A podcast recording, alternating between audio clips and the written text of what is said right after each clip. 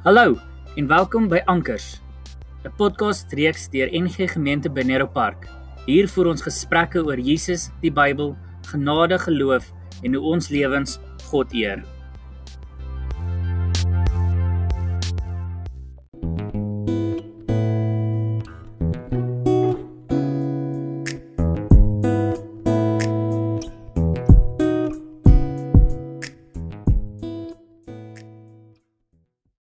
Goeiemôre. Dit is Donderdag, die 27ste Augustus. Lyk na 'n heerlike dag wat voorlê. Hulle sê effens bewolk, ehm um, en ook nie te warm nie, maar glad nie koud nie. Ons is by 'n vierde ja, by 'n vyfde gelykenis wat ons gaan is 'n vyfde gelykenis wat ons gaan lees, maar daar's so 'n paar wat saamgaan. Dit gaan oor die verlore skat of die skat wat weggesteek is en dan die een van die parel wat gevind is en al twee het omtrent dieselfde boodskap. Ons lees dit in Matteus 13 vers 44 wat Jesus aan die woord is daar en hy sê God se koninkryk is soos 'n skat wat in 'n stuk grond weggesteek lê. Iemand kry dit daar maar steek dit dadelik weer weg. Oorstel van blydskap gaan verkoop hy alles wat hy het en koop daardie stuk grond. En dan die volgende vers 45 gaan Jesus aan en hy sê God se koninkryk is ook soos 'n parelhandelaar op soek na mooi parels. As hy een baie kosbare parel raakloop, gaan verkoop hy alles wat hy het en koop daardie parel. Wat interessant is, 'n ding wat ek dink die meeste van ons het dit seker geweet, is dat in die antieke tyd het hulle kosbarehede in die grond weggesteek dat rowers dit nie in die hande kan kry nie. So as iets kosbaars was, gat gegrou, weggesteek in die grond.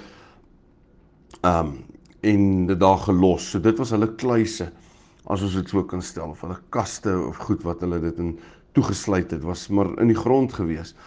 So daarom haak Jesus weer aan. Onthou ons het in die begin gesê dat Jesus haak aan by die alledaagse wêreld wanneer hy gelykenisse vertel. En hier haak hy weer aan daarbey om te sê dat 'n handelaar ontdek 'n skat in 'n stuk grond. Want hulle het geweet, dit is hoe hulle skatte geberre het en weggesteek het in die grond en hy gaan verkoop alles sodat hy daai stuk grond gaan koop en dan dieselfde met die parel handelaar. So kosbaar is die koninkryk van God. Met ander woorde, koninkryk is daar waar God heers. Ek dink een van die redes waarom baie mense nie Christene wil word nie is omdat hulle sê die reëls is net te erg, is vir my te swaar. Dis te swaar om te dra. Ek kan dit nie doen nie. Met ander woorde, die koninkryk se manier van doen, as ons dit so kan stel, is nie is 'n las eintlik, eerder as wat dit iets kosbaar is wat hulle najag en so aan. En ek het maar net gewonder of die waarhede van die evangelie, van dit wat ons in die Bybel leer, beginsels, of dit vir ons nog van waarde is. Dat ons kan sê, weet jy, ek doen dit omdat ek dit iewers in Spreuke gelees het of in Prediker of omdat Jesus dit of dat gesê het. Omdat dit vir ons kosbaar is. Of beskou ons partykeer die Bybel en die evangelie as iets wat ons terughou om te doen wat ons wil of te gaan waarheen ons wil gaan. Jesus sê in hierdie twee gelykenisse dan sê hy maar God se koninkryk is baie baie werd. Mense gaan verkoop stukke grond en hulle eiendom om daai skat te kan bekom, daai stuk van die koninkryk. So kom ons gebruik vandag om sommer maar net weer vir onsself af te vra wat is die koninkryk van God vir my werd? Is dit vir my 'n las? Is dit iets wat my keer om vorentoe te gaan? Ehm um, of is dit regtig vir my kosbaar omdat ek lewenswaarhede daarin raak lees? En raak leer en dit op my eie lewe van toepassing maak. So kom ons gaan dink sommer net oor die koninkryk van God. Daar waar God heers en onthou daar waar God heers is daar waar ons beweeg, want ons is die burgers van daardie koninkryk. En mense gaan op grond van ons gedrag gaan hulle keuse maak om deel van die koninkryk te word of nie deel van die koninkryk te word nie. Dit het alles te doen met hoe ons leef. So ons kan hulle ek wil amper sê onseker laat voel of wegstoot van die koninkryk van God af of ons kan deur die manier waarop ons lewe en hoe ons praat oor die koninkryk kan ons hulle nader trek.